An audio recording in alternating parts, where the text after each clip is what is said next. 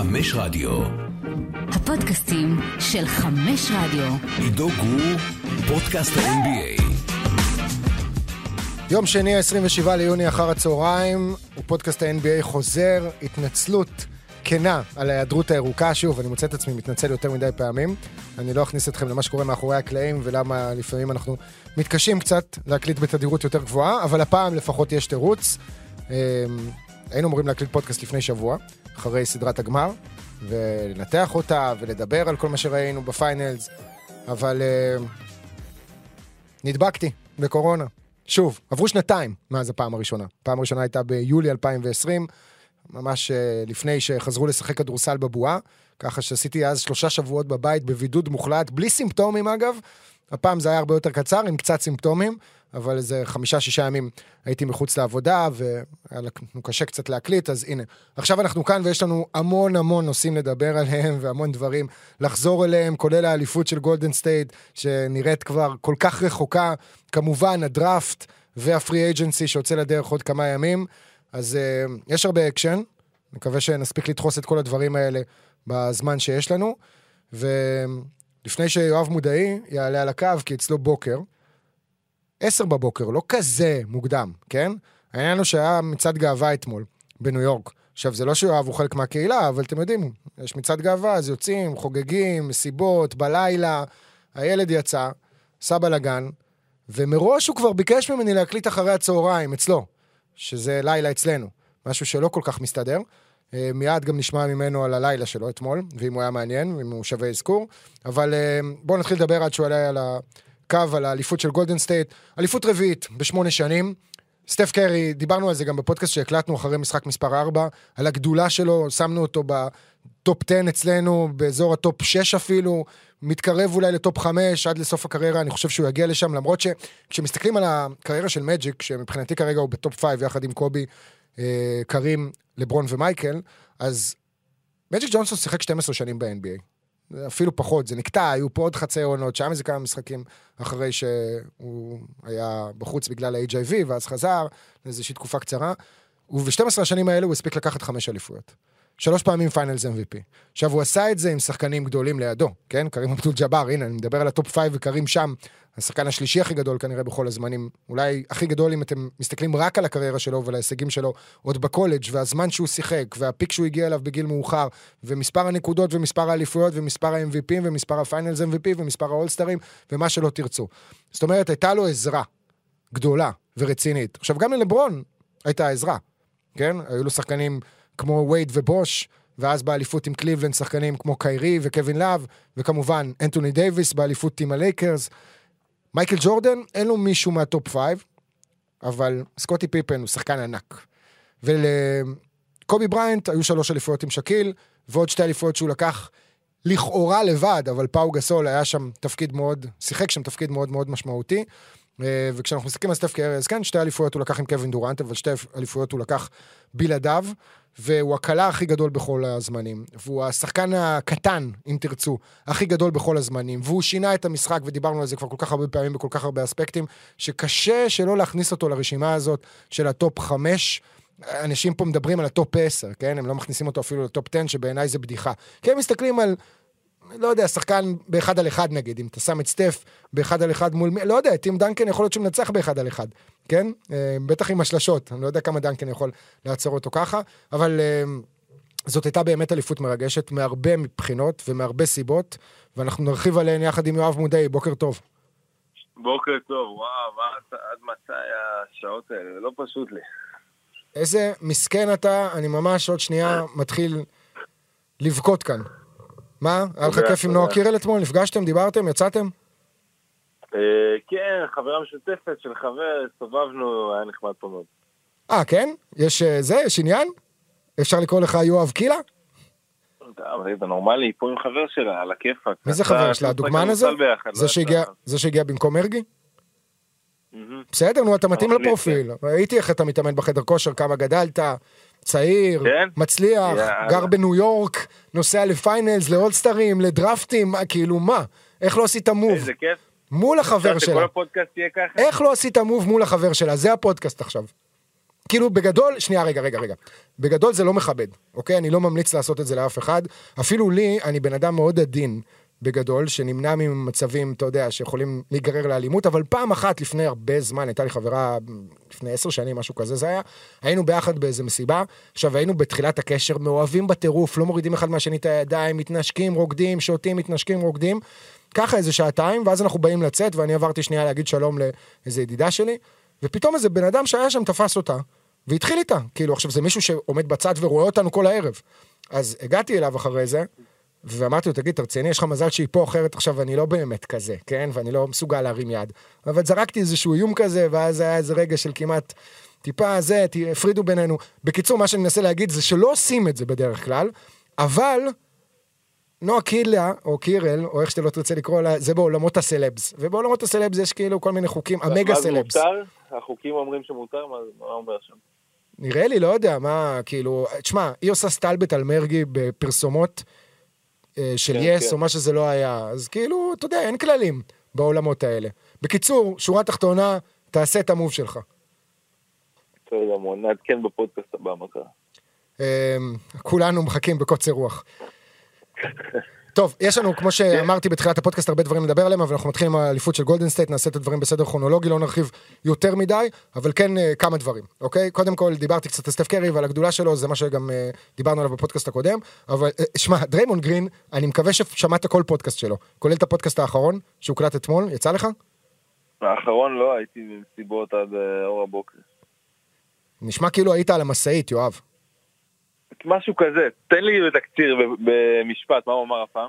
לא, הוא אמר הרבה מאוד דברים, הוא דיבר 40 ומשהו דקות, אה, צחק על קלי תומפסון ועל כל מה שהיה במצעד, אה, דיבר שם על לא מעט אנשים והשחיר אותם, כולל את קנדריק פרקינס, שהוא קרא לו טמבל מורן, ולא זוכר עוד איזה מילה הוא השתמש בה. כן, זה ראיתי, שהוא מדבר, כן, שהוא מדבר על כל הניו מדיה הזאת, ש- שהוא וג'יי ג'יי רדיק. תקשיב, הוא חי בסרט עם הניו מדיה. הוא לא הניו מדיה, הוא ממש לא הניו מדיה, הוא מעוות פה דברים. ניו מדיה זה אנשים שהם עיתונאים עצמאיים. דריימון גרין הוא סופרסטאר, הוא שחקן שמקבל 30 מיליון דולר בעונה, אפילו יותר, לא זוכר. הוא שחקן שלקח ארבע אליפויות בקבוצה הכי פופולרית שהייתה ב-NBA מאז השיקגו בולס של שנות ה-90. הוא לא יכול להגדיר את עצמו כי התקשורת החדשה, יש לו כוח עצום. תקשורת חדשה זה אנשים שלא מגיעים לכאן לערוץ הספורט, אלא עושים דברים בצורה עצמאית. ומקליטים פודקאסטים, והפודקאסטים שלהם נחשפים, ויש להם כתבות פרילנסר, ולא יודע, מצייצים, ויש להם כל מיני, יש המון פלטפורמות היום אה, להביע בהן את ה... אגב, הוא דיבר שם גם על ה... אה, לא, רגע, סליחה, עכשיו אני מתבלבל בין פודקאסטים. היה פודקאסט של קנדריק פרקינס עם אה, ג'יי ג'י רדיק לפני כמה ימים. שיחה מרתקת, וואו. גם שם היו הרבה דיבורים על התקשורת, על התפקיד שלהם ואיך הם מתנהלים, בעיקר גם... בדיוק, קנדריק פרקינס וג'יי ג'יי רדיק זה, אתה יודע, העיתונאי אולי הכי אהוב באמריקה, מול העיתונאי אה, בין המושמצים. לא, זהו, אתה עושה טעות כאן שאתה מגדיר אותם כעיתונאים. הם לא עיתונאים. פרשנים. סבבה, אה, פרשנים זה לא עיתונאים. הם שחקני עבר, לא משנה, הייתה שיחה מרתקת, ומחר אגב, דריימון גרין כרגע בניו יורק, אז הוא יקליט עוד פרק עם ג'יי ג'יי רדיק הפעם, שאני מחכה לזה בקוצר רוח, כי אלה שני אנשים שכיף ממש לשמוע אותם, ואם נחזור לפודקאסט שלו מאתמול, הוא דיבר על משהו אחד אה, שתפס אותי יותר מכל השאר. והוא אמר שההבדל בין האליפות השלישית לרביעית הוא עצום, שמבחינתו זה כמו ההבדל בין האליפות הראשונה לרביעית. זאת אומרת, השתיים והשלוש אולי הוא גם עוקץ כאן בסאבטקסט את קווין דורנט, למרות שלא נראה לי שהוא עשה את זה בכוונה, אבל הוא דיבר אחר כך עם... אה, אה, איך קוראים לו? נו, עם מי הוא דיבר? אה, עכשיו איזה אנשים פה עברו מולי ומסתכלים, אז כאילו הסיטו את... את תשומת הלב שלי. לא סתם אנשים, אנשים כאילו ברמה פה בכירים בתקשורת הישראלית, אבל לא, לא משנה, לא נרחיב על זה. הוא דיבר עם לברון. הוא דיבר עם לברון בטלפון על הסיפור הזה של ההבדל בין אליפות שלישית לרביעית, לברון אמר אותו דבר. זאת אומרת, הרביעית שמה אותך כבר בדיונים של הגדולים באמת. ובכלל, הוא מציין שם ש-44 שחקנים בהיסטוריה של הליגה הזאת לקחו ארבע אליפויות ויותר. היחידים הפעילים זה כמובן הרביעייה בגולדן סטייט, שכוללת אותו סטף, קליי ואיגודלה, יחד עם לברון ג'יימס. מעבר לזה, אין שחקנים שזכו בארבע אליפויות. ואני מסכים, זאת אומרת, מה זה אני מסכים? אני לא יודע. אני לא זכיתי באליפות ראשונה, שלא לדבר על המעבר בין השלישית לרביעית, אם אתה לא סופר את האליפות אה, בליגה למקומות עבודה כשהייתי מלצר בקיוטו. אבל אה, אתה כן מבין איך זה נותן איזושהי דחיפה כזאת, קצת יותר גדולה. אתה, נגיד, כן, תראה, רק אחרי האליפות הרביעית, סטף קרי אמר אה, מול המצלמות, now you can call it a legacy. עכשיו זאת מורשת, אה, וזה כן, כאילו, גם זו הייתה מורשת אה, לפני זה בעיניי, אבל בעיניים של סטף קרי, רק עכשיו, כאילו, ממש רע בגולדן סטייל וכל מה שהוא עשה, מורשת אמיתית. זו הייתה מורשת עוד לפני זה, כמו שאתה רגע אמרת, כי חמישה גמרים רצופים. בוא, זה לא משנה אם הם לקחו רק שלושה מהם. מבחינתו, אתה יודע, מבחינתו כבר ארבע אליפויות זה, זה שונה, אתה מסתכל על זה אחרת. פלוס, ו... וכתבתי על זה בטור של אחרי הגמר, כבר עבר אה, זמן מה מאז, אבל האליפות הראשונה, אני לא אוהב לדבר על כוכביות, בכלל לא, אה, אני לא מאמין בזה גם, ותמיד אה, היו ותמיד יהיו, אבל בכל זאת, באליפות הראשונה היו את הפציעות, אתה היית שם, אתה... לא, זה לא קשור, אין כזה דבר. פציעות זה פציעות, יואב, אין כוכבית. ב-NBA הכוכבית היחידה, כביכול, זה האליפות של הבועה. שאני גם לא מסכים עם זה שזה כוכבית, אבל כן, אפשר להבין, כן, שוב, אפשר להבין את לא ההבדל בזה כוכבית שלברון... שאני לוקח אה, ברצינות, כמו שאפשר לומר, דעת הקהל, משהו בראייה היסטורית. אוי, נו אה, די, מה. בראייה היסטורית כוכבית יש גם על האליפות של קליבלנד ב-2016, כי אם לא הרחקה של דריימונד גרין, משחק מספר 5, נכון, היה נכון. מתנהל אחרת, לא, קודם הייתה יכולה כל- לגמור 4-1 שם. אני לא לא אשווה את זה למה שהיה ב-2015, אבל בכל מקרה, הדיבורים חוסלו. אה, זה לא כוכביות כמו שזה פשוט דיבורים, אתה יודע, של אנשים. אז הדיבורים ב-2015 מובנים, 2017 אז לא, אז לא, מובנים. אז בוא ניגע בנקודה הזאת, כי הדיבורים אה, לא פסקו ולא חדלו. יש נקודה אחרת, שאגב, אני מבין שדריימונד גרין לא הספקתי לשמוע את כל הפודקאסט, אבל אני מבין שהוא דיבר גם על בריין ווינדורסט, אני משער שזה היה על הדבר הזה, כי הכוכבית, החצי כוכבית, הלא באמת כוכבית, אה, שבריין ווינדורסט העלה, היא התקרת שכר של גולדן סטייט, ששילמה השנה, סליחה, אני כבר עם הנתונים של השנה הבאה, אבל זה די זהה, פחות או יותר, אה, 200, מעל 200 מיליון דולר. כשהתקרת שכר עומדת על 109 מיליון דולר. זאת אומרת, וכל דולר מס, אה, נוסף, אתה משלם על זה אקסטרה ל- לליגה. אתה משלם על זה בעצם שני דולרים. אה, בקיצור, נכון, גולדן סטייט מוציאה הרבה מאוד כסף ומשלמת המון המון לסגל שלה, וכן, יש לה חבורה של כוכבים שם, שאתה מסתכל על בחירות לוטרי, אתה יודע, אה, בחירה ראשונה בדראפט, שזה אנדרו ויגינס, ובחירה 7, ובחירה 11, ושחקנים שנמצאים שם, אם זה סטף וקליי ודריימונד כבר כמה שנים, אז הם מקבלים את תקרת שכר המקסימלית שהם יכולים לקבל. אז אה, רק נסגור את זה. בשנה האחרונה, 178 מיליון דולר. זה היה אה, תקרת, התקציב הכולל, שחקנים של גולדן סטייט. בשנה הקרובה זה יורד כרגע ל-171 מיליון דולר, אבל קבון לוני לא חתום, ואנדרה איגודלה לא חתום, ואוטו פורטר ג'וניור לא חתום. וויגינס כן, אולי יקבל חוזה חדש. ואז- כן, אבל ויגינס לא חתום לפחות לעונה. הבאה. ויגינס וג'ורדן, תחשוב מה קורה עם ג'ורדן פול, כן? זה בן אדם שעושה 2 מיליון ג'ורדן דולר. פול, כן, כן. לא, הוא, ראית. את הסרטון שהוא אומר שם אה, בחגיגות, we're gonna get the bag, we're gonna get the bag, משהו כזה. הוא צריך לחכות קצת ל bag הזה, ויכול להיות שהוא יקבל אותו במקום אחר ולא בגולדן סטייט, אלא אם שחקנים אחרים יקריבו מהחוזים שלהם. עכשיו, סטף יש לו חוזה עד סוף 26, עד 2025-26, עד העונה הזאת כולל. לקליי יש חוזה לעוד שנתיים, מובטח. ג'ורדן פול מ- הופך להיות שחקן חופשי בקיץ הבא. עכשיו, אנדרו ויגנס ירד מהספרים בקיץ הבא, כי זאת העונה האחרונה בחוזה שלו, אז יכול להיות שג'ורדן פול יקבל את הכסף במקום של, במקומו של אנדרו ויגנס, והוא יעבור, ו- בסדר, לא, זאת לא הפואנטה, לא לזה התכוונתי, אוקיי? אה, כשהתחלתי לדבר על עניין תקרת השכר, אני רוצה קודם כל לעדכן אותך שאין קבוצה אחת בליגה שלא עברה את תקרת השכר, או שלא עוברת אותה בשנה וואו. הבאה. בשנה הבאה, לא בדקתי את הנתונים של העונה האחרונה, אבל בעונה הבאה... כולל כולל דטרויט, כול- כולל כולם? דטרויט במינוס חמישה מיליון בעונה הבאה. אוקיי. אתה יודע מי האחרונים כרגע? מי יש להם את הפער הכי קטן בין השכר שהם משלמים לתקרת השכר? לא הניקס, מה פתאום? תתפלא, הניקס. הניקס? הניקס, הניקס, כן, בסדר, תחשוב, יש שם חוץ מרנדל. ג'יילן ברונסון, נדבר עליו. ג'יילן ברונסון, כן, נדבר על... הקיצור, עזוב את זה. אטלנטה משלמת יותר מגולדן סטייט.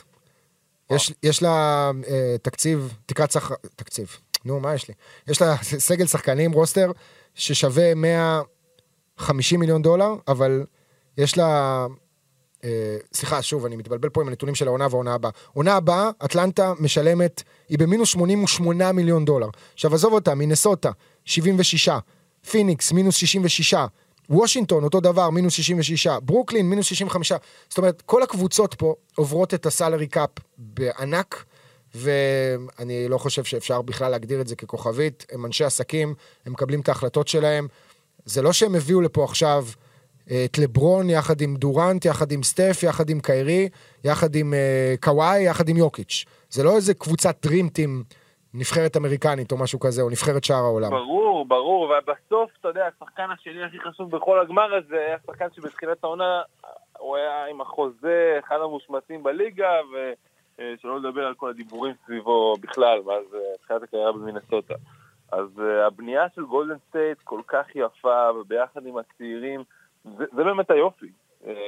בעצם, לאורך רוב שלבי העונה הזאת, גולדן סטייט, בכלל בוסטון, לא סומנו ככאלה ש... הם היו שם contenderיות, ברור, בעיקר גולדן סטייט, בוסטון רק אה, בחצי השני של העונה, אבל אני לא יודע כמה ספרו אותם לאליפות, זה קרה רק אה, בהמשך, וברגע שפיניקס ירדה מהפרק, אז גולדן סטייט מן הסתם אה, עלתה משמעותית. לא, בתחילת העונה אה, כולם דיברו עליהם כעל אלופים שוב, אבל אה, זה היה אחרי התחלה מטורפת של סטף. בחודש, נכון, חודשיים נכון, הראשונים. ואז זה נרגע, ופיניקס אה, היו נראים כמו... אז זה נרגע, התחילו הפציעות, אלופה. קליי חזר, דריימונד גרין הלך באותו משחק לאיזה חודש וחצי. בעצם השלישייה הגדולה הזאת לא שיחקה ביחד עד לפלייאוף. כאילו פה ושם כמה דקות. והכל התחבר להם בדיוק בזמן, כמו שקורה לאלופים, ועכשיו, עם הפנים ל-22-23, הם באמת אה, הפייבוריטים. מבחינתי די המובהקים. מובהקים? עד כדי כך? אה, הצעירים שרק התחזקו. למה הם מובהקים אבל? איך הם הפכו להיות מובהקים? זאת אומרת, עד לפני שלושה חודשים אף אחד לא, לא אף אחד, אבל רוב האנשים לא האמינו שהם יכולים לקחת אליפות, ועכשיו הם הפיבוריטים נכון. המובהקים. כן, כי פשוט התחברו בצורה מדהימה, הבינו אה, מה כל אחד צריך לעשות כדי לזכות באליפות, וכבר ראינו את זה בעשור הקודם, פשוט חבורה אה, ש- שבאמת מוכנה, מוכנה יותר אה, מכל קבוצה אחרת לקחת את האליפות הזאת. תראה, אני חושב שהם פייבוריטים, למרות שרגע לפני האליפות אמרתי, יהיו קבוצות יותר טובות בשנה הבאה, קליפרס, קוואי יהיה בריא, כנראה. דנבר, כולם יהיו שם בריאים. אה, ממפיס, אתה יודע, אנחנו שוכחים עד כמה ממפיס הייתה אה, מדהימה בעונה הזאת, ולא רחוקה מלהדיח את גולדן סטייט, אם לא הפציעה של ג'ה מורנט, זאת אומרת, היא גם לא הייתה קרובה ממש, כן? הווריורס היו ביתרון מהמשחק הראשון בסדרה הזאת, אבל אה, בוא נגיד שהגריזליס בעונה הבאה, אה, אני חושב שהיא הייתה מקום שני במערב. העונה הזאת, אז אני לא רואה איך הם אה, הולכים אחורה, אם כבר הם הולכים קדימה. והסיפור של גולדן סטייט, מבחינת הפייבוריטית, זה לא רק הזכייה הזאת באליפות הרביעית בשמונה השנים האחרונות, וסטף וקליי ודריימון וכו- וכולי, אה, והיכולת המצוינת של ויגינס. זה גם בגלל שיש כל מיני שחקנים צעירים. ג'ורדן פול, גרי פייטון, גרי פייטון פחות צעיר, כן? אבל ג'ורדן פול, מוזס מודי, שלא שיחק יותר מדי, בחירה 14 של שנה שעברה בדראפט, וג'יימס וייזמן, שלא שיחק כל העונה הזאת. או, חיכיתי שתגיד את השם שלו, כל פעם אני מעלה אותו, ואז אתה מתבאס עליי, אתה... לא, העלית אותו השנה, דיברת עליו בהקשר של השנה, של משהו שכאילו אה, יחזור ויכול לשנות. לא, בהקשר של אה, מה היה יכול להיות אם, אבל כן, תשמע, אני מחזיק ממנו ממש. אני לא חושב שהוא מתאים לסגנון של גולדן סטייט כרגע, אבל הוא כן שחקן עם המון המון יכולות ועם תקרה מאוד גבוהה, והוא בשלב מוקדם של הקריירה שלו, בסך הכל שתי עונות שבהן הוא שיחק רק חצי עונה ראשונה, אפילו פחות, גם שם הוא היה כזה און אנוף עם טיפה פציעות, עד שהוא קרע את הרצועה, אני חושב, מה היה לו שם? מיניסקוס? אה. כן, כן, היה לו מיניסקוס. אמ, אני, תראה, הוא, הוא פחות, הוא יותר שחקן pick and roll כזה. הוא פחות motion offense. ודריימון גרין שפותח בחמש, כשוויגינס בארבע, לאו דווקא בחמישייה, גם קבון לוני. אגב, אמ, קבל נתון מעניין. קבון לוני, מה, הוא 6-9, נכון? זה 2-0, אה, כן. 2-0-6? הוא השחקן, הוא ה starting center הנמוך ביותר שהיה בקבוצת NBA שזכתה באליפות מאז 1976, שזה גם מלמד אותנו עד כמה המשחק השתנה, וגם מחזיר אותי לסיפור הזה של עד כמה סטף גדול, גם כשבוחנים את הגדולה של סטף, לא צריך להסתכל על זה רק מהנקודת מבט של המספרים שלו האישיים, הנקודות, התארים וכולי, זאת אומרת, אלה הם גם פרמטרים שנחשבים. אבל בעיניי הדבר הנוסף שצריך לדבר עליו, זה שים לב מה קורה מסביבו. אנדרו ויגינס, אמרת בעצמך עכשיו, שחקן מושמץ, שכולם חשבו שכבר לא, הוא, לא ידגדג אפילו את הפוטנציאל שלו, משחק ליד סטף קרי, ותראה איך הוא נראה. ותראה איך הוא השתפר, ואיזה שחקן הוא היה בפלייאוף הזה, וכמה הוא היה משמעותי. דריימון גרין, זאת השאלה שאף פעם לא נקבל עליה תשובה, אבל איך הקריירה שלו הייתה נראית אם הוא היה משחק בכל קבוצת כדורסל אחרת ב-NBA, ולא עם סטף קרי. אני עדיין חושב שהוא היה משפיע, והוא לא היה שחקן לא רלוונטי בשום צורה, אבל הגדולה שלו בתור מנהל משחק, החיבור הזה עם סטף. קליי תומפסון, גם, זאת אומרת, כל שחקן פה נכון. ברשימה הזאת, אתה יודע מה, אפילו אפשר ללכת לקווין דורנט, עד כמה שהוא שחקן ענק, כשאתה משחק עם מישהו שיוצר כאוס בהגנה היריבה, אז אתה משתפר, אתה מקבל יותר מבטים פנויים ונוחים.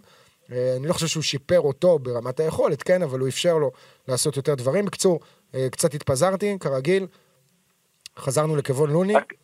תן לי רגע לחזור באמת ללוני, זה, זה מעניין, אני לא סגור על זה, אני עמדתי כאילו ליד שניהם, אני מנסה להיזכר מי יותר גבוה, הוא או רוברט וויליאמס, אתה אומר כאילו שלוני הכי נמוך 6-9 מאז אה, שנות ה-70, אבל לפחות לפי ויקיפדיה, רוברט וויליאמס 6-8, שזה 2-0-3. נראה לי זה לא נכון, מה שכתוב בגוגל, כי, מה לא נכון? כי רוברט וויליאמס נראה לי קצת יותר גבוה. מה- מה- מה זה- מה זה רלוונטי אה, אבל? בוויקיפדיה פה אני רואה 6-9, למה זה- אותו דבר. למה זה רלוונטי? זה, זה מעניין, זה דו-קרב סנטרים יחסית, יחסית נמוכים. אה, בסדר, כאילו אם בוסטון הייתה מנצחת, אז היה לך גם את הסנטר הכי נמוך מאז 1976. אה, כן, אתה מדבר רק על... אה, שאני לא כל כך יודע מי סנטר שם, אם זה הורפורד או רוברט וויליאמס, אבל עזוב, בוסטון, אה, אנחנו נדבר עליה בשלב יותר מאוחר, לא של ה pod הזה, של הקיץ הזה. שורה תחתונה, אליפות מרגשת, שאני חושב מקבעת את המעמד של סטף קרי באמת בין השחקנים הגדולים שאי פעם שיחקו כדורסל. הוא השראה גם מעבר לזה. אתה רואה עכשיו איך בכל ענפי הספורט, כשהמשחק נגמר, יש את הקטע החדש, night night, שמים את היד ככה, את הראש על היד, כמו שסטף קרי עשה. אה, וזאת חגיגה שפרצה את גבולות הכדורסל והגיעה גם לכל דבר אחר בספורט האמריקני וגם מחוצה לו. אה, ומבחינת פייבוריטית בשנה הבאה, שוב, ממפיס, קליפרס, אה, גולדן סטייט ודנבר. אלה בעיניי ארבע הפייבוריטיות. אני לא יודע מה קורה עדיין עם הלייקרס, אנחנו נדע בימים הקרובים, כשיתחילו שם המהלכים. יש עוד כמה קבוצות מעניינות. כמו דאלאס, ו... אני כאילו לא סופר את דאלאס אף פעם. בוסטון מבחינתי לפני דנבר ו... לא, אני מדבר איתך מערב עכשיו, מה אתה מדבר איתי על, אה, אוקיי, אוקיי. על הליגה כולה? אמ, אז זה מה שקורה במערב, וזה יהיה קשה לגולדן סטייט, אבל אין ספק שאפשר להבין למה היא פבוריטית. לא יודע אם מובהקת, אבל פבוריטית בוודאות. אוקיי. אמ, אני מקליט פה פודקאסט פשוט? ומוציאים אותי מריכוז כל הזמן. מגיעים לפה אנשים, והנה, עכשיו ג'ובה מסמן, וגיל ברק, ויוליה גלושקו פה, יש ווימבלדון. שמח, וקרן. שלמה, וקוקי רק- בח... תקשיב, אתה לא יודע מה קורה לי פה בחלון של הפודקאסט. אתה לא מבין, אין דברים. כאלה. אני מסיים להקליט ואני מצטרף אליכם. הם לא שומעים אותי, כן, כי זו זכוכית משוריינת. אני אבוא, בקרוב. אה, טוב, כאילו, יכול להיות כן, ששמת את אה, ממפיס גם לפני פיניקס? כן. יפה. כן, אני לא יודע מה. קורה עם פיניקס, מה קורה עם אייטון? הוא לא נשאר, נכון? אף אחד לא יודע. הוא בדרך הולך לדטרויט. לכיוון של דטרויט אולי, אבל אז אחר כך עם ג'יילן דורן... אה, אוי, נו באמת, די אתה עכשיו גם כן, מה ג'יילן דורן, אחי? הבן אדם נבחר בדראפט לפני שבוע, מה אתה רוצה ממנו? לא, זה מצביע. שכנראה זה לא מצביע, לא. לא, זה לא קשור, מה, יש לך backup center, מה, איזה בחירה ג'יילן דורן, ה-12, 13? עזוב, עוד רגע נגיע לדראפט. אנחנו, אתה יודע מה, עברנו לדראפט. נגמר הסיפור על גולדן סטייט, נדבר עליה עוד בהמשך, נראה איזה שינויים יהיו שם, אבל עכשיו, זמן לדראפט ה-NBA, דראפט 2022, דראפט שהייתי אמור לשדר, אבל נבצר ממני בעקבות הקורונה. אה, בחירה ראשונה, אורלנדו, פאולו בנקרו, בחירה שנייה, צ'ט הולמגרן לאוקלהומה סיטי, ובחירה שלישית, ג'בארי סמית ליוסטון. בגדול, OKC הייתה סגורה על צ'ט הולמגרן. זאת אומרת, ואורלנדו, ההערכות המוקדמות היו שהיא תלך על ג'בארי סמית. אה, צריך להגיד, זאת הפעם הראשונה אי פעם שאני ראיתי שווג' מצייץ משהו שלא התברר כמדויק. הוא לא נעל את זה בצורה סופית, אבל בצהריים של אותו יום הדראפט, בצהריים אצלנו, כן, איזה 13-14 כן, זה היה שעות לפני, בוקר אצלנו, אני עוד לא קמתי, זה היה שמונה ומשהו בבוקר. הוא צייץ שסמית הולך לאורלנדו וצ'ט הולמגרן הולך ל-OKC ובנקרו הולך ליוסטון. ויש גם את הסיפור הזה עם זה שיוסטון הרי עשתה טרייד על קריסטיאן ווד והעבירה אותו לדאלאס, שזה קרה במקביל או בסמוך לאימון של בנקרו. שם ביוסטון, אז כולם אמרו, טוב, זהו, זה נעול, הם רוצים את בנקרו בעמדה מספר 4, הם לא צריכים את קריסטיאן ווד. אה, עוד שחקנים שנבחרו, קיגן מרי, הבחירה הרביעית לסקרמנטו, שבסוף לא. לא אה, ויתרה על הבחירה הזאת, למרות שכולם חשבו שהיא תעשה עם זה משהו. בחירה חמישית, לא מבין אותם. ג'יידן אייבי לדטרויט, וזה אומר שג'יידן אייבי הולך להיות לכל הפחות אולסטאר. כי אתה מסתכל, יש את הקטע הזה שרץ עכשיו, על מי שנבחר אחרי סקרמנטו, כן. אה, אולסטאר. Fame. בחירה אחת מגדולה. מי יש לנו שם? יש לנו את, אה, עזוב את, אה, כמובן, בגלי שנבחר לפני אה, דונצ'יץ', שסקרמנטו בחרה אותו. יש את הבחירה של טיילר יוליס, במקום לפני דווין בוקר, כאילו, תקלוט. ומי עוד היה? היה שם עוד איזה... ג'ימר פרדט, לא? וקליי. ג'ימר. פרדט וקליי, כן, משהו כזה. ג'ימר כן, פרדט כן. נבחר עשר. 10 ו-11, כן. טוב, 11, בן מתורין. ו-11, פרדט וקליי. הבחירה השישית לאינדיאנה, שיידון שארפ, הבחירה השביעית לפורטלנד, דייסון דניאלס, הבחירה השמינית לניו אורלינס, ג'רמי סוהאן, הבחירה התשיעית לסן אנטוניו, וג'וני דייוויס, איזה שם גנרי כזה, הבחירה העשירית של הוושינגטון וויזארדס, שהביאו עוד ברדלי ביל, שלא מתקרב לרמה של ברדלי ביל, לפחות לא בשלב הזה של הקריירה שלו, אבל הוא שחקן מעניין. הסיפור הכי גדול של הדראפט הזה, זה הניו יורק ניקס. אתה יודע להסביר מה הם עשו? מדהים. קודם כל, הרי אני מסתכל פה NBA איזה יום-יומיים, כותב על טריידים, העבודה שלי היא לפשט את כל העולם המסובך הזה הרבה פעמים, ופשוט אה, להעביר את האינפורמציה אלינו, לקהל שלנו, בעברית. תקשיב, מה שקרה עם הטריידים של הניקס באותו לילה, אחד הדברים המסובכים, אה, זה היה מסובך תוך כדי, אם בסוף אנחנו נגיע למה הם קיבלו ומה הם ויתרו, ובשביל מה הם ויתרו, אז זה לא כל כך מסובך, אבל תוך כדי לאף אחד לא היה מושג כלום, תוך כדי הלילה. אז נתחיל בזה שהם בחרו את אה, אוסמן דיינג, הצרפתי, השחקן הכי בוסרי אה, בדראפט הזה, אחוזים גרועים אה, בניו זילנד ברייקרס, אבל אה, פוטנציאל, הפוטנציאל שם. אז קודם כל, כמובן, איך לא, כל הברקלי סנטר עם הרבה מאוד אוהדי ניקס, בעיקר קיבלו אותו בקריאות בוז צורמות, וזה מצחיק, כי הם שרקו לו בוז אחרי שכבר היו דיווחים בטוויטר שהוא עובר בטרייד לאוקלהומה. ובכל זאת הוא קיבל את הבוז הזה, אז זאת ככה חוויה ש... שתישאר איתו תמיד, בכל פעם שהוא יסתכל אחורה על רגע הדראפט שלו. העבירו את זה לאוקלהומה, קיבלו עוד בחירות, אחר כך שרלוט התערבה שם, דטרויט, ובשורה התחתונה הניקס קיבלו שלוש בחירות אה, סיבוב ראשון מוגנות, זאת אומרת, אף אחת מהן לא תהיה אה, לוטרי, אף אחת מהן לא תהיה גבוהה.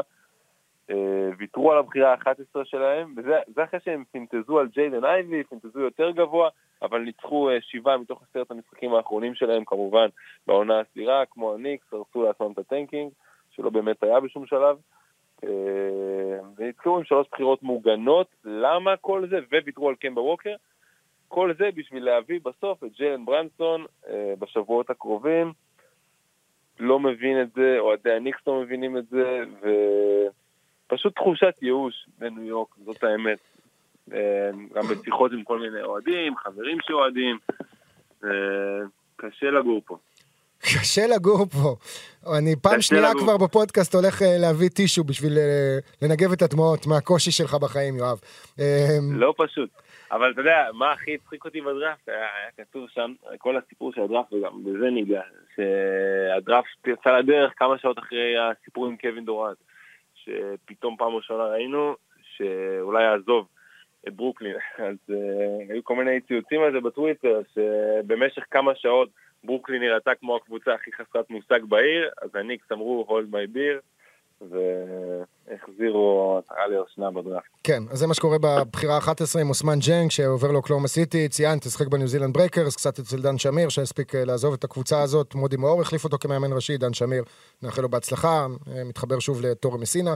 במילאנו, אחרי שהשניים עבדו ביחד גם בצסקה מוסקבה לפני איזה 8-9 שנים. אה, בחירה 12, גם אוקלהומה סיטי, ג'יילן וויליאמס מסנטה קלרה. אה, בהמשך הם גם בחרו שחקן שנקרא ג'יילין וויליאמס, וזה גם נהיה ויראלי, כל השטויות האלה. דיברת על ג'יילן ראית את דורן. התמונה שלהם כמו ספיידרמן, מצביעים כן, אחד כן, על השני? כן, בטח, אה, מתבקש. מגניב מאוד. ג'לן דורן, הזכרת אותו, בחירה 13, ממכללת ממפיס. הוא עבר בטרייד לדטרויט, זאת בחירה של שרלוט בכלל. והבחירה האחרונה של הלוטרי זה אוצ'אי, איך אומרים את השם שלו? אבאצ'י? אבאג'י, כן. אבאג'י, בלי הג'י, לא מבטאים את ה... כי זה כתוב A-G-B-A-J-I. אבאג'י. אוצ'אי אבאג'י מקנזס שלקחה אליפות וגם היה מצוין ב-Final 4, והוא קלעי, הוא אה, senior אבל, שזה, אתה יודע, בדרך כלל אתה לא רואה שחקנים נבחרים כאן, במקומות האלה שהם אחרי ארבע שנים בקולג'. לעומת זאת, יש לך, כרגיל, ב, אני חושב 12-13 שנים האחרונות ברצף, הבחירה הראשונה היא freshman, מבחינת הגיל שלו. אה, לפני שננתח פה את זה ונדבר על אה, כל מיני שחקנים וכל מיני סיפורים מעניינים, קודם כל משהו שאי אפשר היה שלא לשים לב אליו. אה, מבין עשר הבחירות הראשונות, לדעתי, או 11 עכשיו, אוסמן דיינג, ג'וני דייוויס, ג'רמי סוהאן ובן מת'ורין. אם אני זוכר נכון, ארבעה שחקנים עלו לבמה עוד לפני הדראפט עצמו, לפני שהאירוע התחיל. היה את ההצגה של כל מי שהגיע וכל מי שנמצא שם, והם עלו עם ההורים שלהם. והדבר שקופץ לך מול העיניים זה הניסויים המעורבים. אה, ארבעת השחקנים שהרגע ציינתי, עלו כל אחד עם אבא שחור ואימא בלונדינית לבנה. עכשיו תשמע, אני חייב להגיד משהו. בקצב הזה. תוך 50 עד 100 שנה אין אנשים שחורים בארצות הברית. אה, אני מאמין שיהיו. אתה לא צריך להגיב לכל דבר. אתה לפעמים יכול אה, זה, להגיד לי מה, מה, מה אתה מקשקש עכשיו. אה, לא, ברור שיהיו, אבל יש על זה צחוקים, אתה יודע, של העדפות סטייל של הגברים השחורים, זה הבלונדיניות האלה, וכן, אה, קורה מה שקורה. אה, כן, כשמתבוללים. האמת שזה יכול להיות אה, מיוחד, כזה, אולי כל העולם בכלל יהפוך לרק מעורבים. אה, בוא נעבור עכשיו לבחירות המרכזיות. נתחיל דווקא ממקום נמוך יותר, מהמקום העשירי, כי כמובן הרבה זמן לא דיברנו על וושינגטון, הקבוצה שלנו כאן בסיפור הזה. אה, ג'וני דייוויס, בוושינגטון דיברו על לעשות trade up, לקפוץ למקום הרביעי, להצליח להביא את ג'יידן אייבי, הם רוצים point guard, לא הסתדר בסוף, הם כן הביאו גארד, לא מישהו שהוא מנהל משחק, אבל אה, שחקן לא רע. לא רע בכלל, שהוא מהבחירות האלה, הוא יכול להפוך ל... אני לא אגיד דווין בוקר, אתה יודע מה? כאילו זה, זה אילנות גבוהים דווין בוקר, אבל אה, הוא יכול להיות שחקן שחקן. borderline כן, all-star. אתה יודע, לגבי ג'וני דייוויס קצת מעניין, כי מצד אחד הוא עשה קפיצה מטורפת בין העונה הראשונה שלו לשנייה בוויסקונסין. אה, קלע שבע נקודות בראשונה, קפץ לכמעט 20 בשנייה, שזה אגב הנתון הכי גבוה לשחקן וויסקונסין מאז אלנדו טאקר. אה, אנחנו מכירים אותו, הוא עשה את זה לפני איזה 15 שנה במכללה הזאת. אז מצד אחד... אלנדו טאקר, כן, למי שלא מכיר, הצעירים שבכם, היה זר מצוין ששיחק כאן בארץ, כמה עונות, בקריית גת בין היתר. כן, תמשיך, סורי. לנדו טאקר. הטאקר אה, השני הכי טוב שהיה בישראל. אז אה, הוא כן, הוא קפץ פה ב-13 נקודות אה, מעונה אחת לשנייה, אז בהתחלה לא היה עליו דיבור בכלל, בטח לא לבחירה עשירית, לא באזור בכלל. אה, אבל האחוזים ירדו, הם ירדו מ-41% מהשדה ל-42.7. הבעיה המשמעותית הייתה בירידה של אחוזים מחוץ לקשת, מ-39 ל-30. בדיוק, בדיוק, כי הוא זרק הרבה יותר, הוא זרק כמעט פי ארבעה, ואז זה ירד מ-39% מחוץ לקשת אה, ל-31. אה, האם זה מה שוושינגטון צריכה? קודם כל, בוושינגטון אוהבים את הבחירה הזאת, כי הוא באמת אחלה שחקן, והוא אה, כנראה ה-best available שהיה להם, ומי שהם הכי היו צריכים בבחירה העשירית, ומי שנשאר. אה, אבל עוד שחקן שזורק אה, מחצי מרחק, עוד שחקן שלא קולע מספיק טוב משלוש, לא יודע אם זה מה שהם היו צריכים, לא יודע אם זה מה ש... לא יודע אם ברדלי ביל אוהב את המהלך הזה. אני לא יודע אם קורי קיספרט אוהב את המהלך הזה, כי בגדול הוא משחק על העמדה שלו, הוא יעלה מהספסל. אה, כן, לא, שוב, לא כל כך ברור מה קורה בוושינגטון. אז אם הם לא היו בוחרים, עושים איזשהו טרייד, אז היה- לי יותר מסתדר בראש. לא, תראה, וושינגטון. יואב, היא חייבת לעשות משהו. היא לא יכולה להתחיל עונה עם ראול נטו כרכז. יחיד, בסגל. זה לא הגיוני. אלא עם כן. ברדלי ביל, שראינו אותו במהלך העונה האחרונה, עם כל ההיעדרויות של הקורונה פה ושם, ושחקנים שהיו בחוץ, ראינו אותו בכמה משחקים, אתה יודע, שובר שיאי אסיסטים שלו בקריירה, וכשהוא מנהל משחק הוא הרבה יותר טוב בעיניי, מאשר כשהוא מגיע כשתיים, ומשתמש בכל הפיזיות שלו בשביל לחדור, הוא עושה את זה מצוין, כן? אבל זה קצת משפיע על הקליעה שלו.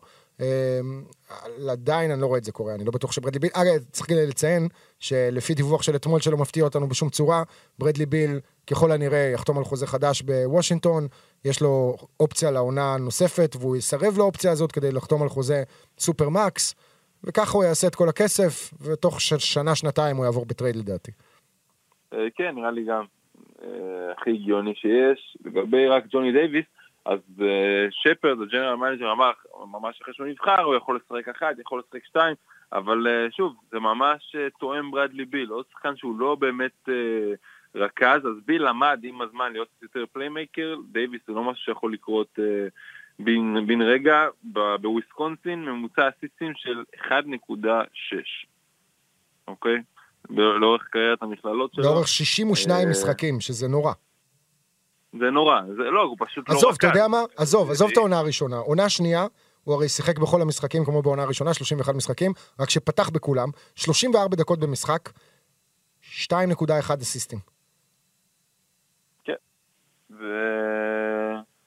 ואני, מה שאני מבין, לא בונים על דני בתור רכז שם. למרות שראינו אותו מוביל הרבה יותר את הכדור בעונה השנייה לעומת העונה הראשונה, וזה לא משהו... לא, רכז אה, רכז בטוח לקבוע. אבל אבל הוא פוינט פורוורד. כן, טוב, נראה, נראה מה יהיה עם הקבוצה, אז בכל מקרה אה, מעניין, מעניין בטוח. ג'וני דייוויס, אה, יש לו אח תאום, ששיחק איתו גם בוויסקונסין, והוא בא ממשפחה של ספורט, וזה עוד איזשהו ציוץ שראיתי במהלך הדראפט, שאין יותר שחקני NBA שמגיעים מה trench- מה trenches, מהשוחות, מהלמטה, כאילו, מסיפורי יאניס. אה, זה מזכיר לי שלא ביקרנו את הסרט, תכף נגיע לזה בהמשך. אבל uh, סיפורי יאניס כאלה, או של שחקנים אחרים שגדלו בבתים בלי כסף ובלי אמצעים, ובאמת הכדורסל היה הדבר היחיד שאפשר להם לפרוץ בגדול, עזוב לפרוץ בגדול, לשפר את החיים שלהם ברמה הכלכלית.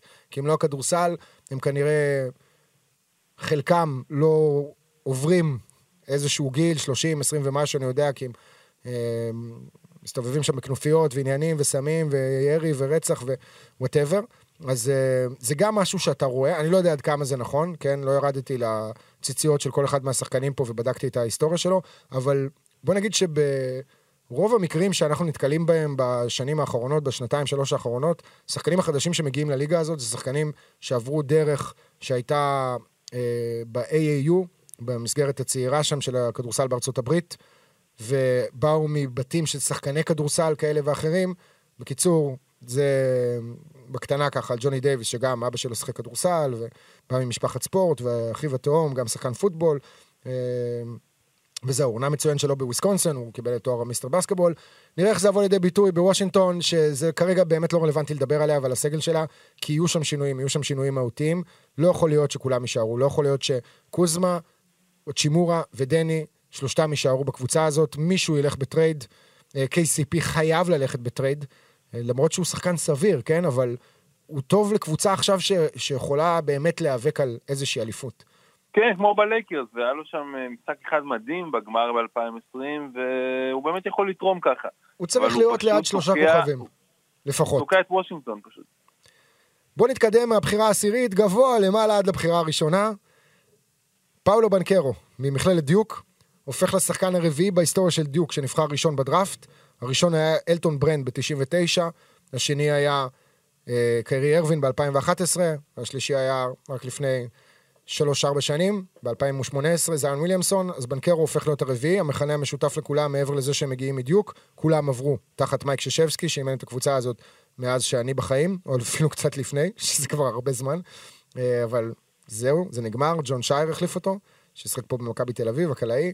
אה, עכשיו, אה, בוא, אתה רוצה לשאול אותי? כן, ברור שאני רוצה לשאול אותך, אתה מבסוט מהטרייד? לא, לא טרייד, מה... אתה מבסוט מהטעות של ווג'? מהטעות של ווג'. תראה, אני קודם כל אחזור איתך אחורה. אני אחזור איתך אחורה בערך לחודשים אפריל-מאי 2021.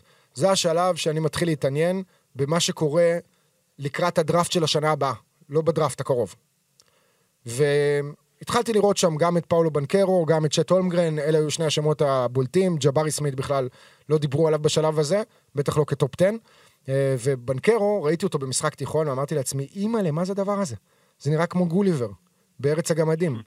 הוא, הוא ענק לידם. עכשיו, לא הצלחתי לקבל פרופורציות לסייז שלו לעומת שחקנים אחרים, ואז הוא מגיע לקולג' לדיוק, ואתה רואה שגם שם הוא גדול. ברור שב-NBA זה קצת אה, יהיה פחות משמעותי ממה שראינו בשתי המסגרות הקודמות, כי הוא הולך לשחק רק נגד גברים שם שמבוגרים ממנו, שעבדו בחדר כושר עכשיו איזה 15 שנים, אבל בגדול בנקרו, תראה, קודם כל הוא 2.08, 2.09 אפילו ביום טוב, הוא שוקל 115, 120 קילו, משהו באזורים האלה. הוא שחקן מאוד גדול, מאוד רחב, גם מול שחקנים בוגרים ב-NBA.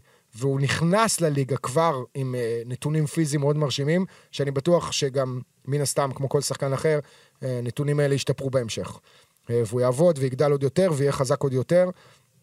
עכשיו, אני כן מבסוט מצד אחד ולא מבסוט מצד שני, אבל ב overall אני שמח. ושצריך, uh, למי שלא מעודכן, אני אוהד אורלנדו, כאילו. כן? זאת אומרת, לא כאילו, אני אוהד אורלנדו, אבל ברגע שדני אבדיה משחק בליגה, אני אוהד של איפה שהוא ישחק, בדקות שהוא על הפרקט, כן? וכשהוא לא על הפרקט, אז אני נגד הקבוצה שהוא משחק בה. כמו אייל ברקוביץ' כזה סטייל. אבל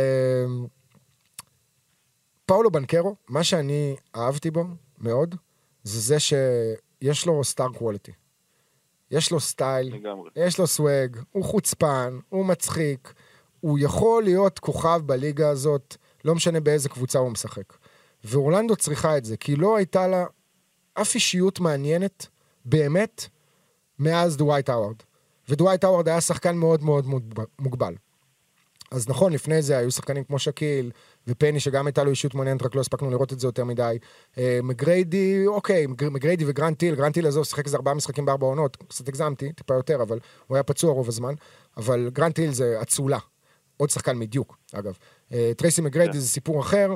מבחינת אישיות, אני לא יודע, לא הספקנו לראות ממנו יותר מדי. שחקן חמוד, בן אדם חמוד, שחקן ענק, כן? אבל פה אנחנו מקבלים איזה משהו שלא היה באורלנדו בשנים האחרונות, והיו הרבה בחירות, ירדנו על סקרמנטו, אני לא מבין איך לא יורדים על אורלנדו. כי היא בחרה שחקנים אה, כמה כן, מקומות כן. לפני הגדולה שלהם. אה, לפני שחקנים שהגיעו לגדולה. כשאתה מסתכל על כל מיני בחירות, כמו מריו אזוניה, שלא משחק בליגה, וכל מיני שחקנים פצועים, כמו ג'ונתן אייזיק ששנתיים בחוץ, ומו במבה שאולי עשה איזה פריצונת בזה, זה הכל בחירות lottery של, מה זה lottery? זה top 5, top 6, הבחירות האלה שאני מדבר עליהן. וויקטור, אפילו ויקטור אולדיפו, כן? בחירה שנייה בדראפט של 2013, שלא ממש הצליח באורלנדו, רק כשהוא עבר לאוקלהומה סיטי, הוא התחיל את הפריצה שלו, ואז באינדיאנה, והשנה כמעט, כמעט היא בעיה משלך. היה לו איזה משחק וחצי טוב בפלייאוף, בעיקר אחד נגד אטלנטה. אה, ועוד איזה... האמת שהיה משחק מספר 6 נגד בוסטון, הוא היה טוב מאוד, בהגנה בעיקר.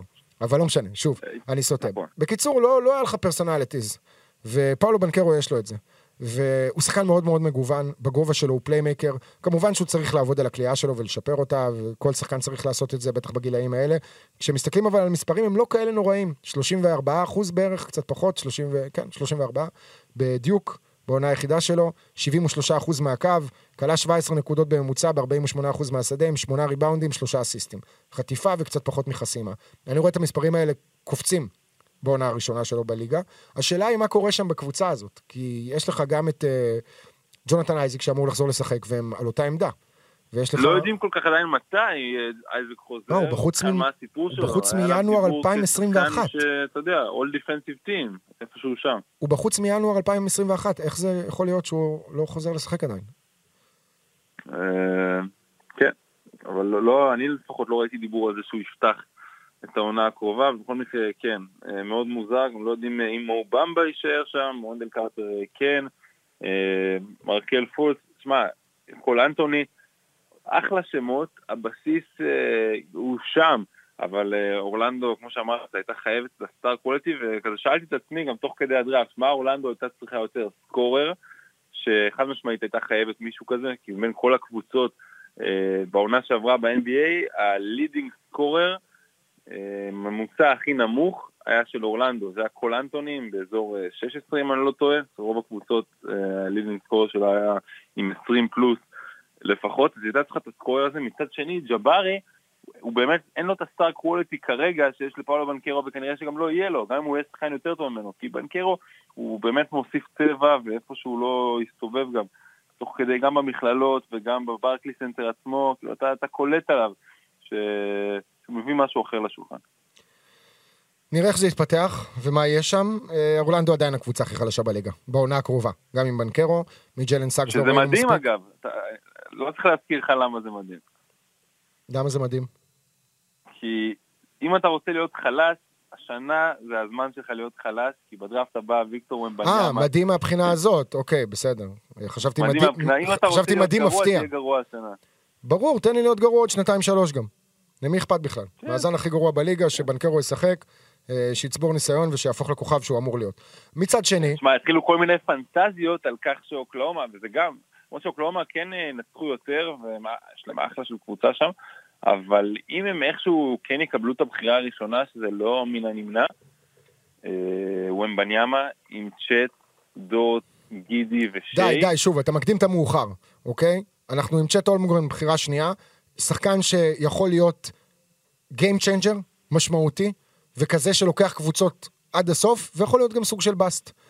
אמ, אני, אני תמיד, זה מחזיר אותי לשחקנים אחרים כמו נגיד קית' ואן הורן ורייף לאפרנץ, שאני לא יודע אם הספקת לראות אותם משחקים, אני משער שלא, בטח את אה, לאפרנץ, אבל אה, גם הם היו פחות מרשימים ברמת המוטת ידיים והאורך שלהם, והיכולת ההגנתית שלהם. ואצל הולמגרן בעצם, הדבר שאמור להבדיל בינו לבין השחקנים האלה, זה היכולת לחסום כדורים. יכולת להיות rim protector, כוח משמעותי בתוך הצבע. התקפית, אם הדברים, אה, אתה יודע, הסתדרו לו, ויש... לפעמים אתה חושב באנגלית ואתה לא מצליח לתרגם את ה... If things are gonna click, אתה מבין? אם דברים יתחברו לו, כן, בסדר. אה, אם דברים יתקלקו. אתה, אתה יודע, יש את כל ה mixtapeים שלו בחוץ, ואתה רואה שם, יש איזה workout אה, נגד סטף קרי, שזאת לא חוכמה. ב workout, בסתם משחק scrimmage של חמש של חמש, אבל הוא דופק שם איזה מאחורי הגב, משאיר אותו מאחור והולך ל dunk. יש לו skill set, כן? יש לו כדרור, יש לו קליעה, הוא שחקן, הוא החבילה שלמה. ואתה גם אומר לעצמך, טוב, הוא, יגד... הוא יגדל משמעותית, זה מזכיר לך את יאניס כשהוא נכנס לליגה. זה שהוא רזה דק כזה, והוא יהפוך להיות מפלצת. לאן זה יגיע? באוקלהומה סיטי, שוב, כל כך מוקדם להגיד, אבל אין ספק שיש פה פוטנציאל עצום, וכנ"ל לגבי ג'בארי סמית, השלוש בחירות הראשונות הן ברורות בדראפט הזה. אלה שלושה שחקנים שהם הרבה יותר טובים משאר השחקנים ברמת הפוטנציאל. שוב, צריך להזכיר כל הזמן, אנחנו מדברים פה פוטנציאל. יש פה פערים עצומים, בנקרו, אולמגרן וג'בארי סמית. ג'בארי סמית ביוסטון יקבל אור ירוק. אין שם שום דבר, בטח אחרי שקריסטיאן ווד עזב, זה בינו לבין ג'לן גרין לבין קווין פורטר ג'וניור, שלא מרבה לזרוק יותר מדי, כמו שלפחות חשבתי שהוא יעשה בעונה שעברה. אה, בכלל, עונה מאוד מאכזבת לקווין פורטר ג'וניור, למרות שאתה יודע, לא ברמת ההצלחה הקבוצתית, ברמת המספרים האישיים שלו, חוץ מהסל ניצחון הזה על הבאזר נגד וושינגטון. ב... כן, עם הסיפור של אחרי. כן, עם הסיפור של אחרי, עם השדר, זה, זה, עם האקדח. כמו אבא שלו. שהוא חשב שאבא שלו זה, זה שכלה ושיחק, אבל נח, אבא באמת, שלו... זה, זה הנח הכי כן, גדול שהיה בעונה הקודמת ב-NBA, זה הסיפור הזה. אמ, אז זה בגדול מה שיש לי להגיד על השלוש בחירות הראשונות. כן, יכול מאוד להיות שג'בארי סמית יהפוך להיות שחקן ב-לבלים אחרים, כי כבר עכשיו יש לו את הכלייה, והוא גם, הסייז שלו מאוד נכון לליגה ומאוד גם ייחודי בצורה מסוימת. הוא כמה? סיקס... 610. 610, 208, 209, משהו כזה, וכשאתה מסתכל על המספרים שלו, בשנה היחידה שלו באוברן, אז הדבר הכי מרשים כאן, זה 42 אחוזים מחוץ לקשת. בשורה סטטיסטית של 17 נקודות ושבעה ריבאונדים וחצי. אין, אין, כאילו, יש סיכוי שאני הולך אה, להסתכל על זה אחורה עוד כמה שנים ולהגיד, אלוהים, איך ויתרנו על ג'בארי סמית. זה בדיוק הדברים האלה שקורים, או אפילו על צ'ט הולמגרן. אבל אה, בוא נגיד ששוב, אה, בתור אוהד אורלנדו, אני מרוצה, גם כולם דיברו על זה שבנקרו עשה workouts ו workouts והטריף את כולם, כי הרי סמית היה דיבור כבר איזה חודשיים שהוא הבחירה הראשונה, גם לפני שהוא היה lottery ואורלנדו קיבלה אותה הבחירה הזאת. אז אה, זהו, מעבר כן, לזה... רק משהו אחד שנצטרך לשים לב אליו, שהוא כביכול, זה ההבדל הגדול, לפחות חוץ מהכלייה בין בנקרו לסמית, שככה נוטה לכיוון של ג'בארי, זה ההגנה. אז uh, הרבה אנשים טענו שבנקרו הרבה פעמים נרדם בהגנה ולא שומר מספיק טוב, למרות שהניצוצות שם ויש לו את, uh, את הגוף ומה שצריך כדי להיות שומר מצוין, אבל לפחות בינתיים אומרים, יוסטון הייתה חייבת שומר, כי ברגע שקריסטיאן ווד הלך, uh, לא שהוא שומר, היה, אבל אלפרן uh, שנגון הולך לפתוח בחמש, uh, שומר גדול הוא לא, הוא בעיקר שחקן התקפי, אז הם היו צריכים את הארבע הזה לידו uh, בפרונט קורט שיהיה שומר טוב, אז ג'בארי ייתן את זה, אם פאולו אה, ייתן את זה גם באורלנדו, אז אה, ככה משהו, שוב, לשים לב אליו, להגנה של בנקרו. מקווה שלא יהיו איתו בעיות, אבל יש לו איזה משפט בקרוב לפאולו בנקרו. אתה יודע על מה? נו. הוא אה, שיקר, רימה באיזה בדיקת אה, אלכוהול, whatever, אה, לא, לא על עצמו. הוא הגן על החבר שלו, שהחבר שלו זה במקרה הנכד של מייק ששבסקי. אז... אה, אתה רואה, כבר מעניין באורלנדו. כן, כן, הוא דאג למשפחה. טוב, זה התקציר שלנו על הדראפט. יש אה, בהמשך לדראפט את שוק השחקנים החופשיים שיוצא לדרך בראשון ביולי. ככה, קודם כל, השמות הבולטים כרגע שאין להם חוזה לעונה הבאה, אבל כן יש להם אופציה שהם יכולים לחתום עליה. אז זה ג'יימס ארדן, וזה ראסל ווסטברוק, וזה ברדלי ביל שהזכרנו אותו. עכשיו, אם אתה רוצה לדבר על שחקנים חופשיים לגמרי, שאין להם אופציה בחוזה, אז זה קיירי ארווין, השם אולי הכי גדול כאן, עם סימן שאלה ענק מסביבו. זה דיאנדרה אייטון, זה ג'ון קולינס, נורקיץ', זק לוין, שיש כל מיני דיבורים על אולי לייקרס. אלה השמות המרכזיים. זאת אומרת, יש לך עוד כל מיני שחקנים, כמו מונטרז, אני לא יודע מה יהיה מונטרז, אני מקווה שהוא לא ייכנס לכלא לתקופה ארוכה או בכלל, וימשיך לשחק כדורסל, כי תפסו אותו בקנטקי עם איזה קילו וחצי של מריחואנה, אה, והחוקים שם מאוד מאוד נוקשים. מעבר לזה, אין פה שמות מעניינים. יש הרבה שחקנים, אתה יודע, כאלה... תראה, אותי זה רק מעניין ג'ונס ג'וניור, קאלן. הוא יחזור מהפציעה, זה עוד שחקן שלא שיחק, הוא שיחק מאז תחילת העונה הקודמת, אה, זאת אומרת 20, אה, 21, ובעצם פעם אחרונה שממש ראינו אותו משחק רצוף זה היה בבועה, שאז הוא היה השחקן הכי טוב ב-NBA. אז אם הוא יחזור טוב מהפציעה, הוא יכול להיות אחלה role player בכל קבוצה. אני אה, מתעניין דווקא בשחקן אחר בקבוצה אחרת, וזה בקולין סקסטון, שהולך להיות שחקן חופשי. ראינו את קליבלנד מצוינת גם בלעדיו, אפילו יותר טובה בלעדיו, מאז שהוא נפצע. כשהם הלכו ל lineup, האמת שה lineup הזה התחיל עוד יחד עם סקסטון, הם פתחו בחמישייה עם סקסטון וגרלנד, ועם מרקנן, מובלי וג'ארט אלן. אחרי זה כבר בפציעה שלו, תוך כדי גם אייזיק אוקורו נכנס לנו לחמישייה, אני חושב, כן? זה אם הזיכרון שלי לא מטעה אותי. אבל קולין סקסטון זה אחלה, אחלה גארד. לא איזה כוכב, לא איזה שחקן שמוביל אותך לאליפות, אבל אם הוא חותם בקליבלנד, ויש לך שחקני ספסל, קולין סקסטון, קאריס לברט וקווין לאב, וזה בלי שאני מציין כל מיני שחקנים אמ, כמו למר סטיבנס, שאני מאוד אוהב אותו. שמע, קליבלנד, דיברת קודם על, אתה יודע, זרקת בוסטון ומילווקי במזרח, אז נכון שקליבלנד השנה סיימה ב play-in, נכון? ועפה כן. גם, עפה בברוקלין. היא עפה בברוקלין. מה זה עפה בברוקלין? היא לא עשתה פלייאוף. לא, כן, כן, כאילו ה play-in, היה פה משחק קליבן אה, נגד ברוקלין ב play-in, ואז אה, נשארה בבית. ואז הם הפסידו לאטלנטה, במשחק ה play-in השני. אחרי שאטלנטה פירקה את שרלוט, במשחק ה play-in הראשון בין שתי הקבוצות האלה. אמ, תראה, מבחינת ה... מה שהם עשו בעונה הזאת, הניסיון שהם רכשו בעונה הזאת, האמונה שיש להם, הביטחון שיש להם, אני חושב שקליבלנד קבוצה top 4 במזרח, בטח כשאתה לא יודע מה קורה עם ברוקלין כרגע. אני מוסיף לזה גם את top אטלנטה. four, אה, זה עשרה. top 4. אני חושב שקליבלנד... עזוב, שוב, אנחנו מדברים מוקדם, כי אנחנו לא יודעים איך הסגלים ייראו, וה free agency מתחיל עוד בעוד כמה ימים, אבל עדיין, יש פה שלד מאוד מאוד מרשים, ויש פה עבודה מדהימה שנעשתה שם על ידי ג'יי בי ביקרסטף. תן את הקרדיט גם ללירון פנן, למה לא? אם אפשר, כי באמת עושה שם הרבה מאוד דברים, מאחורי ומלפני הקלעים, בעבודה עם השחקנים, ו... זה, זה מעניין אותי ברמת השחקנים החופשיים, כי אני, אני מניח שקולין סקסטון רוצה יותר. אני חושב שהוא רוצה אה, להיות שחקן חמישייה. מצד שני, לא יודע, לא, לא יודע ברמה האישית שם. אה, עוד, שח, עוד שחקן ששכחתי, שחקן חשוב. שחקן אחד הפייבוריטים שלך בעונה האחרונה. השחקן המשתפר שלך בעונה האחרונה.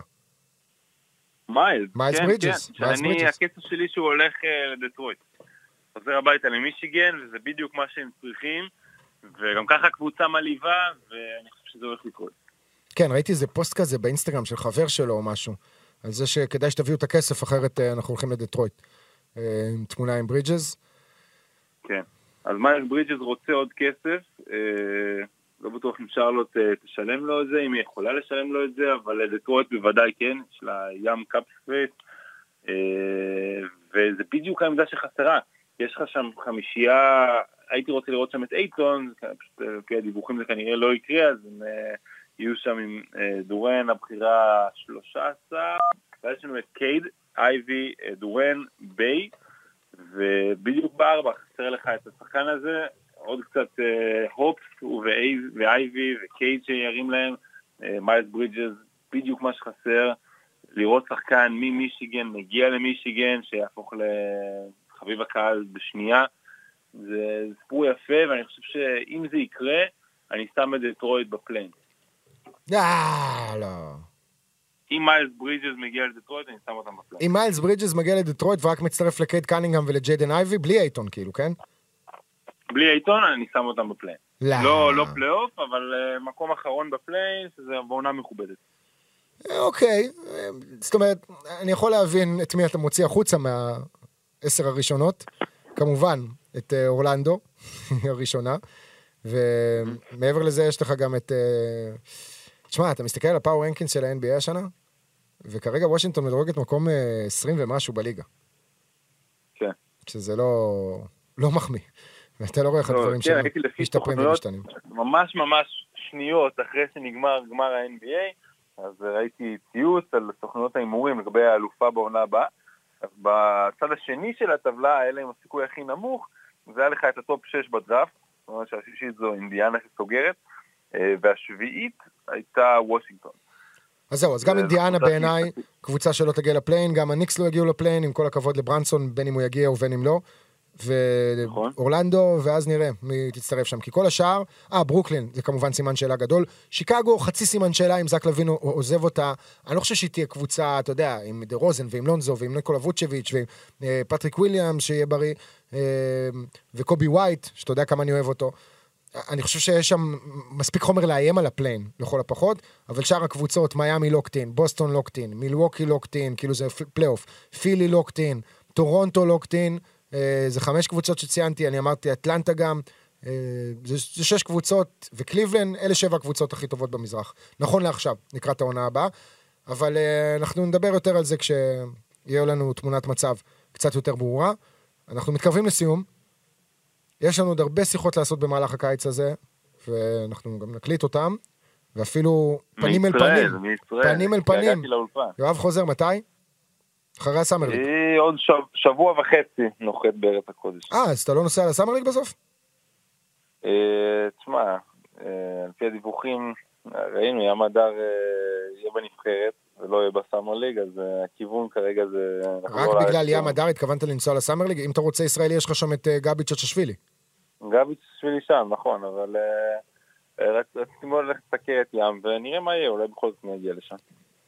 כן, יכול להיות גם שאני אגיע לשם, אני חושב על זה עכשיו, אבל נראה. נדבר על זה בהמשך. טוב, לסיום, אני מאוד מאוד נהנה לראות את כל הסרטים והדוקואים והסדרות על אה, כדורסל בזמן האחרון, בשנה, שנתיים האחרונות. אני חושב שהריקוד האחרון פתח פה איזשהו צוהר להרבה מאוד יצירה שקשורה לכדורסל, שקשורה ל-NBA. יש כל מיני תוכניות בנטפליקס, יש את הדוקו על מג'יק בהולו, יש דוקו בדרך על קובי בריינט שיוצא עוד חודש וחצי, יש אה, דוקו על אה, הלייקרס של כל שנות ה-70 וה-80 וה-90, כל מה שאנחנו רואים עכשיו בסדרה, אבל את הסיפור הקצת יותר אמיתי ולא עלילתי. וכמובן, הסרט Hustle, שהוא mind blowing למי שאוהב NBA, לאו דווקא ברמת הסרט והקולנוע, אבל ההופעות אורח והכיף, ואולי הוא היה קצת ארוך, אפשר היה לקצץ בו כמה דקות, אולי חלק מהדברים היו בו טיפה לא קרובים באמת למציאות, תראה מה ירון ארבל כתב בטוויטר, שזה אפילו רחוק מאוד מהמציאות, מה שקורה שם, אבל הוא היה סרט כיפי. אה, אדם סנדלר גדול, וחואנצ'ו הרנן גומז נתן שם את המשחק של החיים שלו, אנטוני אדוארדס אפילו יותר טוב ממנו. בקיצור, אם לא ראיתם עדיין, לכו תראו. ואז יוצא הסרט רגע. שנייה, שאלה, אני חייב להשחיל פה את השאלה הזאת, אז אה, דיברתי על זה עם חברים, ואנטוני אדוורדס, אתה יודע, הוא השחצן הזה, הוא תפס את התקן של השחצן של ה-NBA, שכולם אוהבים ורוצים לראות אותו משתחצן, זה... מי זה מזכיר לך? כאילו, מי השחקן האחרון בליגה שקיבל אור ירוק להגיד מה שהוא רוצה, ואנשים רצו שהוא יגיד מה שהוא רוצה? יש לך איזה מישהו כזה בראש? כי אני מת על זה. לא, אני חושב שאדוארדס, הוא משחק את עצמו בצורה מסוימת. מה, אתה מכוון לקובי כאילו? אמ, לא, אדוורד יותר יותר קיצוני, בקטע, לא, לא הסרט, במציאות, שהוא פשוט אומר מה שהוא רוצה, שחצן, ואנשים אוהבים את זה, כאילו הם רוצים את התוכן הזה, רוצים לראות את אדוורד עף על עצמו. בסדר, הוא עושה את זה בצורה ו- חמודה, אתה צריך לדעת לעשות את זה באופן חינני, זה לא בגלל שהוא נכון, אומר את זה, זה איך שהוא אומר את זה. הוא פורץ דרך נו, מי, בקטע, מי? אתה יודע, הוא די קיצוני, יש לך שם? לא, לא עולה לי עוד איזה מישהו שהיה לא, ככה. זה לא פורץ דרך. תשמע, זה עניין של אישיות, זה עניין של אופי, זה עניין של תקופה ושל עידן ושל הטרלות ושל דברים שבאים יותר בקהל, אבל לא, הוא באמת עושה את זה בחן, הוא באמת חמוד, יש בו משהו, גם במציאות שהוא מתראיין, בטח בסרט הזה. אבל זה לא הסיפור, הסיפור הוא הסרט של יאניס, רייז, שעלה בדיסני פלוס, יש את זה בארץ, יש את זה לכולם, למי שיש יס גם אפשר לעשות חצי שנה אה, חינם מדיסני פלוס, להוריד את האפליקציה ולא לשלם כסף, אחרי זה יעלה לכם 40 שקלים לחודש, אז תזכרו אם אתם רוצים לבטל את זה והכל, אבל עדיין, סרט של שעה ו-40, שעה ו-50 על משפחת אנטטוקומפו, על הסיפור, הסיפור שלה, משפחת אדטוקומבו, זה השם, ככה אומרים אותו, אנחנו יודעים, אבל כבר מזמן ויתרנו, אה, זה השם בניגרית, הוא עבר איזשהו עיוות אה, כשהם ניסו להירשם שם במרשם האוכלוסין ביוון, מה שלא הצליח להם, לא משנה, כתבו את השם אנטטוקומפו, whatever. הסרט עצמו אבל, הוא כאילו כל כך רחוק מהסיפור האמיתי של יאניס. סתם דוגמה אחת, ואני לא לא אאריך יותר מזה, אבל הקושי שיאניס והמשפחה שלו אה, גדלו אה, בו, הוא, הוא, הוא לא דירת שני חדרים עם סוני פלייסטיישן שכל הילדים משחקים, או נינטנדו, מה שלא היה שם. אה, מעבר לזה, הסרט הוא מאוד מאוד שמח. הילדות והחיים המוקדמים של יאניס היו קשים, וזה לא בא מספיק לידי ביטוי במהלך הסרט הזה. שהוא שמלצי אמריקאי טיפוסי, סרט דיסני כזה לילדים, גם שם טיפה יותר מדי ארוך, אה, מעט מדי כדורסל לטעמי, אבל אה, למי שכותב לי באינסטגרם, אתה יודע, אני מתכתב עם אנשים, כותב להם כאילו שהסרט ממש אכזב אותי, ממש גרוע, אז הם אומרים לי מה, לא לראות? אז אני אומר להם, לא, לכו תראו, מה יש לנו לעשות בחיים האלה, אפשר לחשוב, כאילו, תראו, תראו את הסרט, תתאכזבו בעצמכם, אבל uh, זהו, אה, זה הכל. לפודקאסט ה-NBA שחזר ויחזור שוב, ועוד לפני שאתה תגיע לארץ אנחנו נעשה עוד אה, פודקאסט, ויש כמובן גם חבר'ה כאן בארץ, שג'ובה צריך לדבר ולהשמיע את מה שיש לו על סטף קרי ועל הטופ 10. והוויכוח הזה שחוזר לעצמו. יואב מודעי, תודה רבה, תחזור לישון. תענוג, תודה. ותעשה move, תעשה move עם נועה קירל. אם אתה רוצה, אני מסדר לך גם את המספר שלה. יש לך בעצם, אתה לא צריך. תודה לרדיו ירושלמי שהפיק אותנו, תודה לכם שהאזנתם, יאללה ביי.